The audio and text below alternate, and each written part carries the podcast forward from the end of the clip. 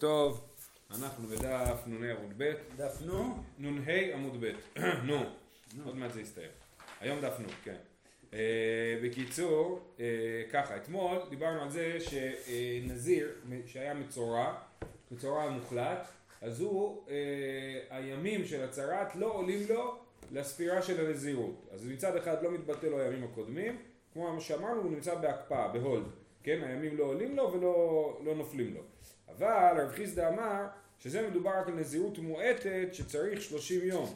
אבל נזירות מרובה אפשר ממש לספור את ימי הצהרת בתור ימי נזירות. כך אמר רב חיסדא אתמול בדף נ"א עמוד א'. כן? אז עוד פעם. לפי רב חיסדא, מצורע יכול להמשיך לספור נזירות, אבל הוא צריך שיהיה לו בסוף 30 יום לתגלחת הטהרה של, המצ... של הנזיר. ולכן אה, אה, לפעמים הוא צריך להפסיק לספור כדי שישאר לו 30 יום. זה היה שיטת רב חיסדא, וכנגדו אנחנו עכשיו מתקיפים. מה תברמי בר חמא? נזיר שהיה טמא בספק ומוחלט בספק, אוכל בקודשים לאחר 60 יום, ושותה יין ומטמא למתים לאחר 120 יום. זאת משנה שאנחנו נלמד אותה שוב פעם בעוד שלושה דפים, וזו משנה מסובכת שנסביר. יש לנו אה, נזיר שהוא מצורע וטמא מת. מה הדין של נזיר שהוא מצורע? בואו נתחיל ככה. מה הדין של מצורע? מצורע הוא בהתחלה מצורע מוסגר, מוסגר אמרנו שהכהן בודק אם הוא מצורע או לא. אחרי שהוא מצורע מוסגר אז הכהן החליט שהוא באמת מצורע אז הוא הופך להיות מצורע מוחלט וכשהוא מצורע מוחלט הוא מחכה עד שהוא מתרפא זה יכול לקחת מעט זמן זה יכול לקחת הרבה זמן. כשנגמרת לו הצהרת הכהן בודק אותו ואומר טוב אתה כבר לא מצורע ואז הוא יש לו ימי ספירה. אז הוא ככה אז הוא מתגלח את כל שערו אז יש שם את הטקס של שתי הציפורים, ששוחטים ציפור אחת וטובלים את הציפור השנייה בדם הציפור השחוטה ומשלחים אותה על פני השדה ואז הוא סופר שבעה ימים, מתגלח שוב פעם ואז הוא טהור ומביא קורבנות ביום השמיני וטהור. זה הדין של מצורע רגיל, כן? אז יש פה שתי תגלחות, תגלחת ראשונה כשהחליטו שהוא סיים את הצהרת ותגלחת שנייה אחרי שבעה ימים. עכשיו מה קורה עם אה, אה, נזיר מצורע? אותו דבר, הוא גילה שהוא מצורע, אז הוא יגלח את, אה, הוא יהיה מצורע, כשהוא יתאר מהצהרת שלו, יגלח את כל שערו, יחכה שבוע, יגלח את כל שערו, ואז הוא יתחיל, יכול להתחיל להמשיך לספור את ימי הנזירות שלו. עכשיו, זה מצורע.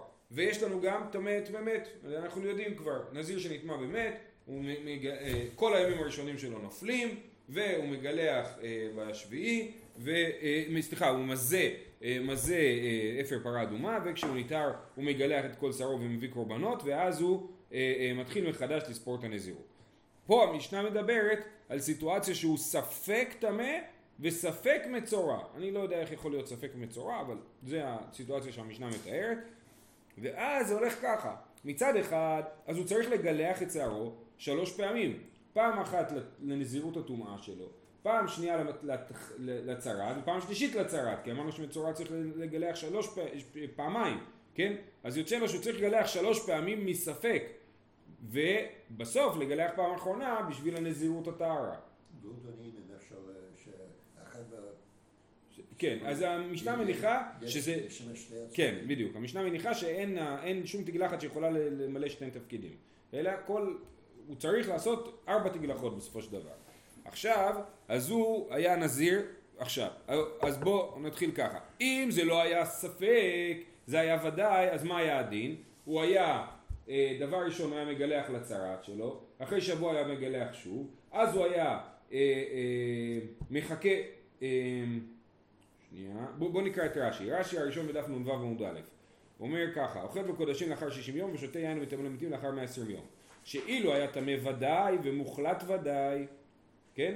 רש"י הראשון, אה, היה צריך לגלח לאלתר, אז ברגע שהוא מגלה שהוא, מצורה, שהוא ניתן מצרתו, הוא מגלח, תגלחת צרת.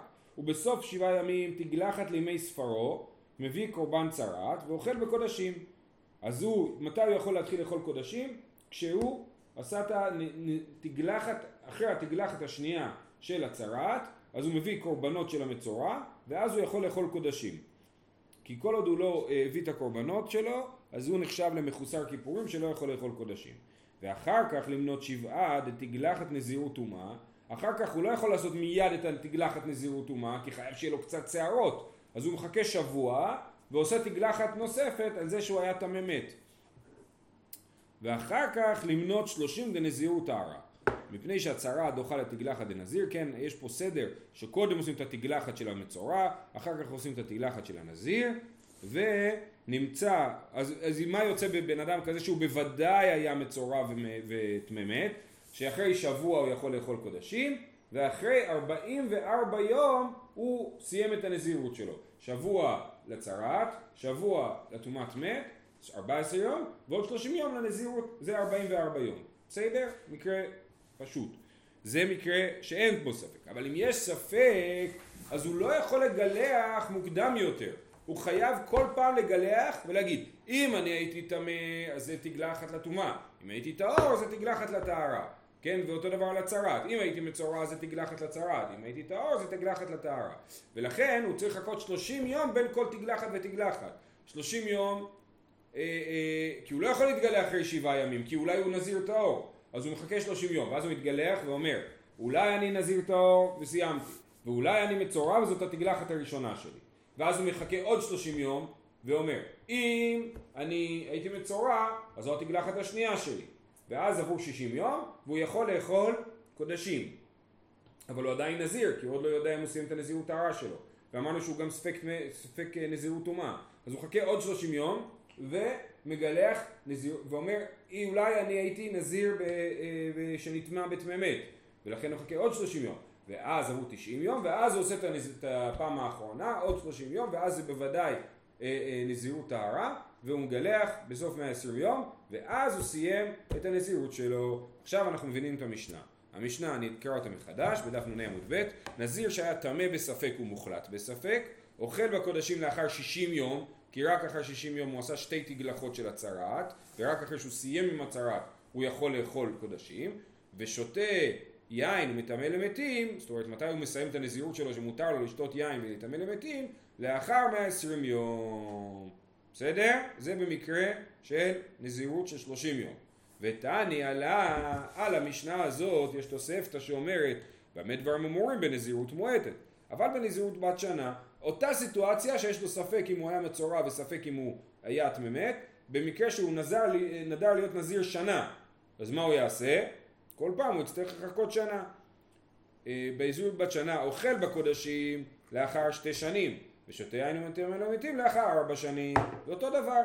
עוברת שנה הוא בא לגלח, שהוא סיים את הצרעת שלו, אומרים לו רגע, אבל אולי אתה נזיר, אסור לך לגלח, חכה שנה. אז הוא מחכה שנה מגלח, ואז הוא צריך לעשות עוד תגלחת שנייה לאח... אה, ל... למקרה שהוא מצורע, אז הוא מחכה עוד שנה ועושה תגלחת שנייה, ואז הוא עושה עוד פעם, אולי הוא היה טמא מת, אז הוא עושה תגלחת שלישית, ואז הוא יוסף אה, את השנה הרביעית שלו והוא אה, אה, עושה תגלחת של נזירות. אומרת הגמרא, אוקיי, כל זה טוב ויפה, זאת משנה ותוספתא ברורה. מכאן יש קושייה לרב חיסדא. הרי מה רב חיסדא אמר? רב חיסדא אמר שכשאתה נז... מצורע, אתה יכול לספור את הימים שלך גם לנזירות. אם ככה, אז שיחכה רק 30 יום אחרי, אחרי הצהרת. כי רק 30 יום הוא צריך לחכות בשביל שיהיה לו מספיק שיער לגלח. אבל שנה שלמה הוא עשה, הוא עשה כבר שלוש שנים. כשהוא היה נזיר טמא הוא לא יכל לספור את הימים שלו. אבל כשהוא היה מצורע הוא כן יכל לספור את הימים שלו. אז הוא צריך, מספיק לו, שלוש שנים ושלושים יום. שנה צרעת, עוד שנה של צרעת, עוד שנה של נזירות טומאה, ואז עוד שלושים יום הוא יגיד, כבר עשיתי שנתיים בתור מצורע, שהימים האלה בעצם עולים לי, נכון? רק לא גילחתי. אז אני אעשה עוד שלושים יום ויגלח. אז לכן, מזה שהתוספתא אומרת שבמקרה כזה הוא עושה ארבע שנים ולא שלוש שנים ושלושים יום, מוכח שהימי הצהרת לא עולים לו והוא לא יכול לספור אותם, בניגוד למה שרב חיסדא אמר. זאת ההוכחה, בסדר? אז המשנה הייתה מאוד מסובכת, אבל ההוכחה היא פשוטה. אז ואיסל כדאיתך, אומרת הגמרא, ואיסל כדאיתך סלקין ליומי, אם נגיד שאפשר לספור את הימים שהוא היה מצורע בתור ימים של נזירות טהרה, תסגילי בשלוש שנים ושלושים יום. הלך רב חיסדא. וזה לא מספיק, אנחנו רוצים להקשות עליו עוד קושייה, ועוד מתי רב אשי מדרשת הפסוקים. כן? אין לי אלא ימי טומאה שאין עולים לו מן המניין. ימי חלוטו מניין, כן? אז הנה יש פה דרשה שמצורע מוחלט לא יכול לספור את הימים שלו, ודינו. ימי טומאה מגלח ומביא קורבן, וימי חלוטו מגלח ומביא קורבן. כן? הרי נזיר טמא הוא מגלח ומביא קורבן. איזה קורבן הוא מביא? שתי ציפורים ואשם. כבש לאשם. עי לאשם. ואז זה נזיר טמא. מצורע שיש לו ימי טומאה הוא מגלח ומביא קורבן גם כן. אה, אז אה, מה ימי טומאתו אין עולים לו? אז הנה אנחנו רואים שהם דומים, בשניהם יש בסוף תגלחת וקורבן, אז מה ימי טומאתו של טומאת מת אין עולים לו מן המניין, אף ימי חלוטו אין עולים לו מן המניין. זאת הברייתא. אומרת הגמרא אולי תגיד אחרת, אומרת לא הגמרא, אנחנו הכל בתוך המדרש הלכה. לא אם אמרת בימי טומאתו שכן מבטל בהם את הקודמים, תאמר בימי חלוטו שאין מבטל בהם את הקודמים. אומרים לא, זה לא דומה. כי בנזיר טמא הוא מבטל את הימים הקודמים. נזיר טהור, סליחה, נזיר מצורע לא מבטל את הימים הקודמים. אז בוא נגיד שהימים כן עולים לו מן המניין. זאת אומרת, אתה רצית להגיד שנזיר טמא דומה למצורע ולכן ימי הצהרת עצמם לא עולים מן המניין כמו בנזיר טמא שלא עולה לו מן המניין. תגיד לא, זה לא דומה, כי נזיר טמא הימים הראשונים נופלים, ומצורע הימים הראשונים לא נופלים. אמרת, קל וחומר הוא ומה נזיר בקבר ששערו ראוי לתגלחת נזירות אין עולים לו מן המניין ימי חלוטו שאין שערו ראוי לתגלחת נזירות לא כל שכן אז יש לנו פה הוכחה מנזיר בקבר מה זה נזיר בקבר? למדנו על זה מזמן מזמן בפרק שני של נזיר בבית הקברות כן? נזיר בבית הקברות זה היה בדף ט"ז כן. כתוב מי שנזר והוא בבית הקברות אפילו היה שם שלושים יום אין עולים לו מן המניין אז הנזיר הזה והוא לא עושה תגלה חתומה, בגלל שכאילו הוא עוד לא התחיל את הנזירות שלו. אז זה מקרה של נזיר בקבר. הימים הראשונים לא נופלים, כי אין ימים ראשונים בכלל, הוא התחיל את הנזירות שלו בבית הקברות. והוא לא צריך לעשות תגלחת, ובכל זאת הימים של הטומאה לא עולים לו. קל וחומר למצורע שצריך לעשות תגלחת, שהימים הראשונים, של הימים של הצרת לא עולים לו. בסדר? אז אנחנו לא מוכיחים מנזיר טמא, כי נזיר טמא באמת הוא חמור יותר במצורע שהימים הראשונים נופלים, אבל ב, אה, אה, אנחנו מוכיחים מנזיר בבית הקברות שהימים הראשונים לא נופלים, ובכל זאת הוא לא סופר את הימים שלו. אה, בואו נקרא את כל הדרשה מחדש, בסדר? אין לי אלא ימי טומאה שאין לו עולה לו מן המניין, ימי חלוטו מניין ודינו, ימי טומאה מגלח ומביא קורבן, וימי חלוטו מגלח ומביא קורבן, מה ימי טומאתו אין עולים לו מן המניין, אף ימי חלוטו אין עולים לו מן המניין. אומרת הגמרא, אומרת הספרי לא, אם אמרת אה, בימי טומאתו שכן מבטל בהן את הקודמים, טומאה בימי חלוטו שאין מבטל בהן את הקודמים. אה, אמרת קל וחומר הוא, ומה נזיר בקבר ששערו ראוי לתגלחת נזירות, אין לו לא, לא, לא מן המניין, ימי חלוטו שאין שערו ראוי לתגלחת נזירות, לא כל שכן, אה, יפה, ואין לי אלא ימי חלוטו, ימי ספרו מניין, אה, אין לי אלא ימי חלוטו, ימי ספרו מניין, זאת אומרת, כל זה שאנחנו רואים שהימים שבהם הוא מצורע מוחלט, שוב מה זה מצורע מוחלט? המצורע שהוא עדיין מצורע, שעוד לא נרפא מצרעתו, אז אז אנחנו באמת רואים שהוא לא סופר את הימים האלה. אבל מה עם ימי ספרו? הימים שהוא כבר נטהר, כן, נגמרה לו הצהרת, הוא, הוא גילח והביא ציפורים, ועכשיו הוא רוצה להתחיל לספור שבעה ימים עד שהוא יהיה טהור. האם את הימים האלה הוא כן סופר לנזירות או לא סופר לנזירות? ימי ספרו מניין ודינו. מה ימי חלוטו טעון תגלחת? אף ימי ספרו. כמו שבימי חלוטו הוא מגלח בסוף, ככה גם ימי ספרו מגלח בסוף. ו... אז כמו שפה הוא לא סופר את הימים האלה, אז גם שם הוא לא יספור את הימים האלה. ומה ימי חלוטו אין עולים לו מן המניין? אף ימי ספרו לא יעלו לו מן המניין. יכול אף ימי הסגרו, אוקיי, ומה אם מצורע מוסגר? עכשיו מצורע מוסגר הוא לא תמיד יהיה מצורע מוחלט, נכון? כל הקטע של ההסגרה מה היא? לבדוק אם הוא מצורע או לא מצורע. אז הוא, הוא מצורע מוסגר, בסוף הכהן אומר לו, משוחרר, אתה לא, אתה לא, לא טמא, כן? או שהכהן אומר לו, אתה מצטער, אתה מצורע. אז מה עם הימים האלה של ההסגר?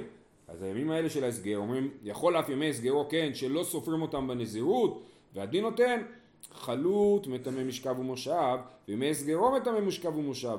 אם למדת על ימי חלוטו שאין עולים לו מן המניין, אף ימי הסגרו אין עולים לו מן המניין, אומרים הנה, מצורע מוסגר הוא דומה למצורע מוחלט. שמה? שמצורע מוחלט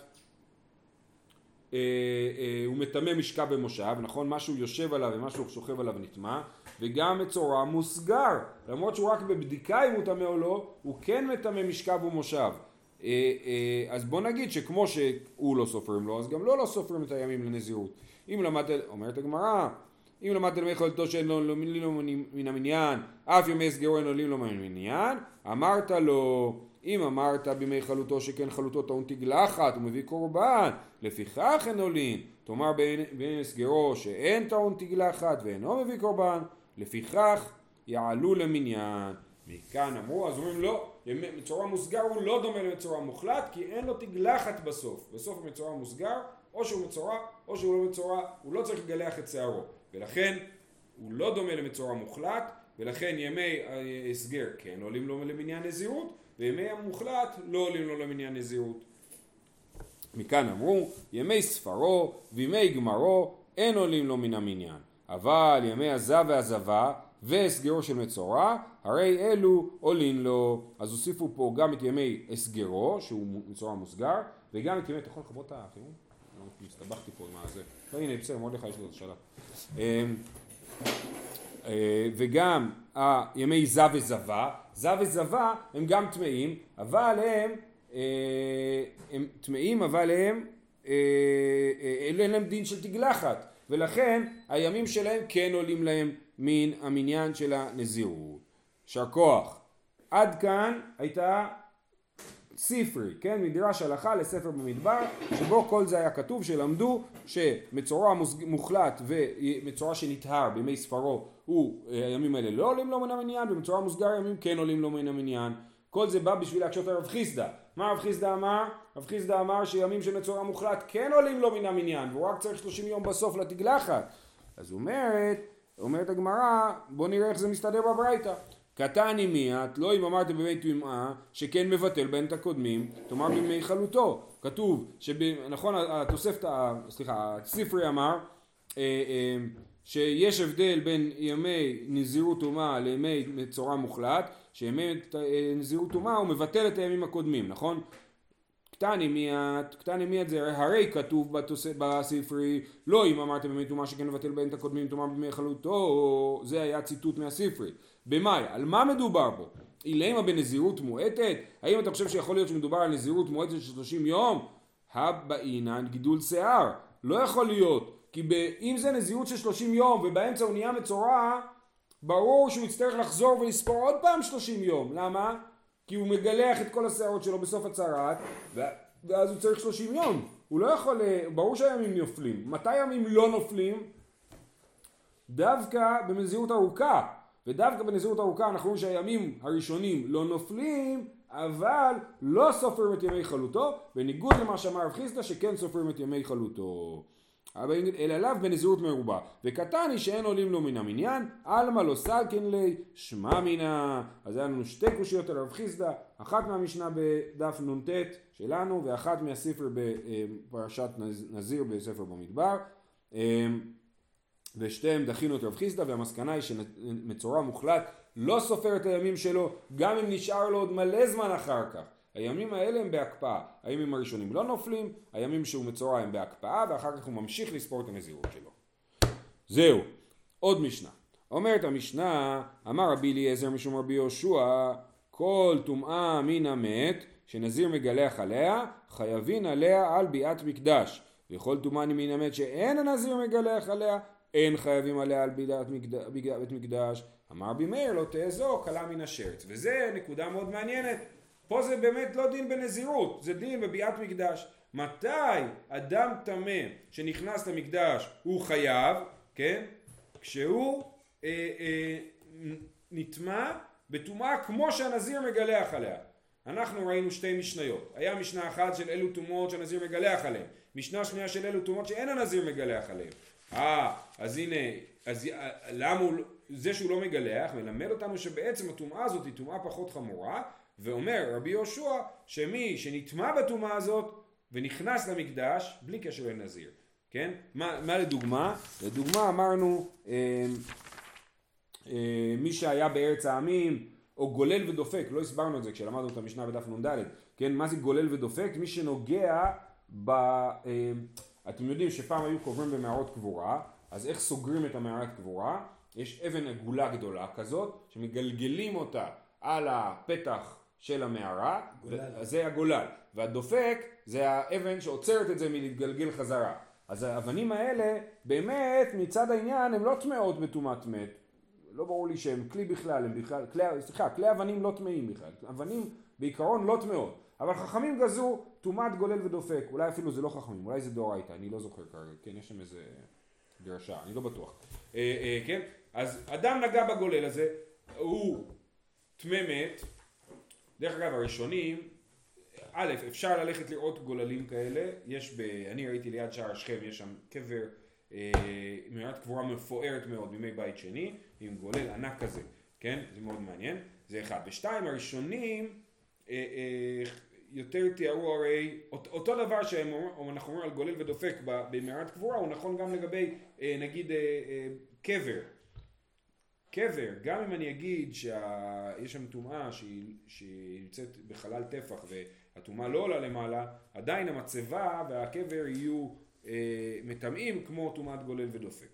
בכל אופן לענייננו, אז אדם נגע במצבה ועכשיו באבן בקבר, אז עכשיו הוא טומא מת, אבל אם הוא ייכנס ככה למקדש, הוא לא... מה הדין שלו? אה, לא חייב עליה, זאת אומרת הוא לא חייב אה, דין קורבן, מי שנכנס למקדש בטומאה מביא קורבן עולה ויורד, הוא לא חייב קורבן, בסדר? אה, זוכרים שסיפרתי לכם על הרב גורן שהסביר איך כהנים יכולים ללמוד רפואה? שהם ילכו עם שרשרת עם אסימון שנטמע בתממת? זה קשור גם לרעיון פה, שהוא היה צריך לטעון טענה ראשונה שלכהן מותר להיטמע בתממת אם זה לא מהמת ישירות אלא מהמתכת, כן? וזה קשור למשנה הזאת, שיש דברים שעליהם הוא לא חייבים אם אה, נטמע. זה היה שיטת רבי אליעזר משום רבי יהושע אבל רבי מאיר אומר לא תרזור קלה מן השרץ, הוא אומר מה זאת אומרת? אדם נטמע בשרץ ונכנס למקדש הוא חייב. אז פה אמנם הוא לא טמא מת קלאסי שנזיר מגלח עליו, אבל הוא טמא, למה שלא נגיד שהוא חייב עליו? ולכן רבי מאיר חולק על זה. אומרת הגמרא, ורבי אליעזר משום רבי יהושע גמר לה, ואמר משום רבי יהושע בר ממל גמר לה. איך אתה אומר במשנה שרבי אליעזר אומר משום רבי יהושע, הרי רבי אליעזר למד את זה מרבי יהושע בר ממל.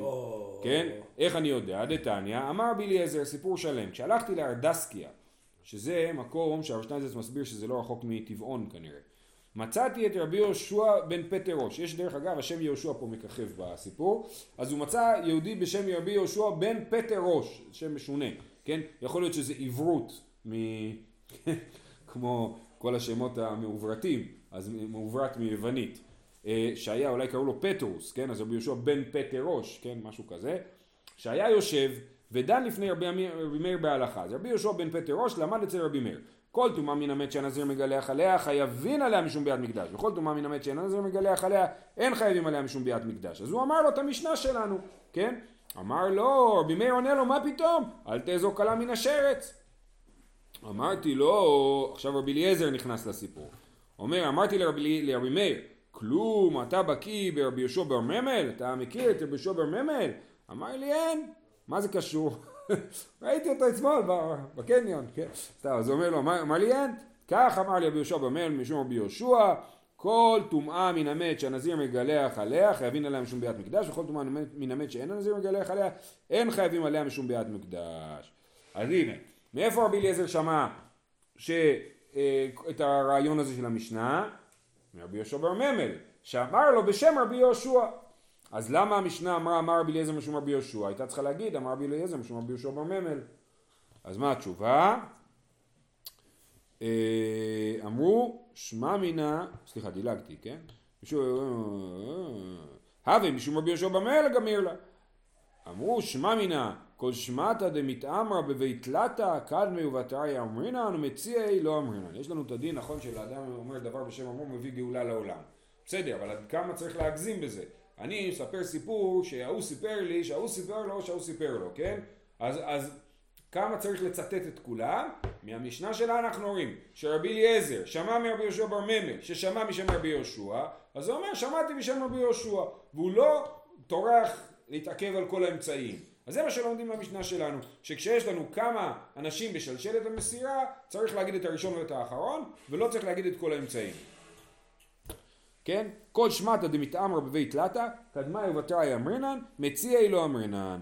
אמר רב נחמן בר יצחק אף אנא נמי תנינא, אני גם מכיר את הרעיון הזה ממקום אחר, אמר נחום המנבלר, כך מקובלנו מרבי מיאשה, שקיבל מאבא, שקיבל מן הזוגות, שקיבלו מן הנביאים, הלכה למשה מסיני, וזורע שבט וחרדל בשניים ושלושה מקומות, שנותן פאה מכל ואחד ואחד.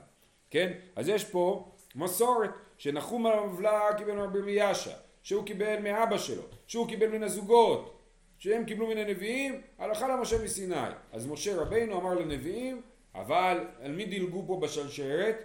דילגו פה על יהושע וכלב, נכון? הרי יהושע וכלב הם היו הנביאים. ומשה רבנו לימד את יהושע ואת כלב, כלב באמת זה מעניין שהוא נמצא פה, אה, ואז הם לימדו את הנביאים והם לימדו את הזוגות וכולי.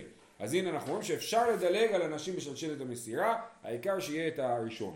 אז באמת המקור השני הוא פחות מוחלט, כי המקור השני כן מפרט הרבה הרבה הרבה את כל מי שהיה, אבא, אה, אה, אה, רבי מיאשה שקיבל מאבא, שקיבל מזוגות, שכולם מביאים להלכה משל סיני, אבל עדיין אנחנו רואים שלא מקפידים לעבור על כל אחד ואחד בשלשלת.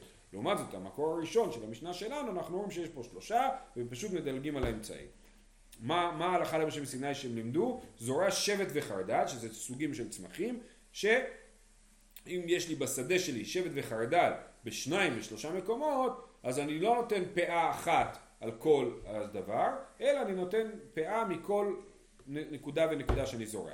באמת במסכת פאה ההלכה שמופיעה בשם כל השלשלת הזאת זה הלכה אחרת ולא הלכה הזאת, שככה רש"י פה גורס, שמי שזרע את שדהו שני מיני חיטין, אז האם הוא נותן פאה אחת על הכל, או שתי פאות, כי זה שתי מיני חיטין, כן? אז התשובה, נגיד חיטה אחת שחורה, חיטה אחת לבנה, כן? אז מה, אז מה ההלכה? ההלכה היא, אם כשהוא קוצר, הוא קוצר את הכל ואוסף את הכל לגורן אחד, סימן שמה אכפת לו, ומבחינתו זה הכל אותו דבר, אז הוא נותן פאה אחת. אבל אם הוא קוצר את זה לשתי גרנות ומפריד, יש לו את החיטה השחורה והחיטה הלבנה בנפרד, אז הוא נותן שתי פאות. גם זה ההלכה שנלמדת מהמסורת הזאת. זהו, אנחנו נמשיך מחר. של כולם.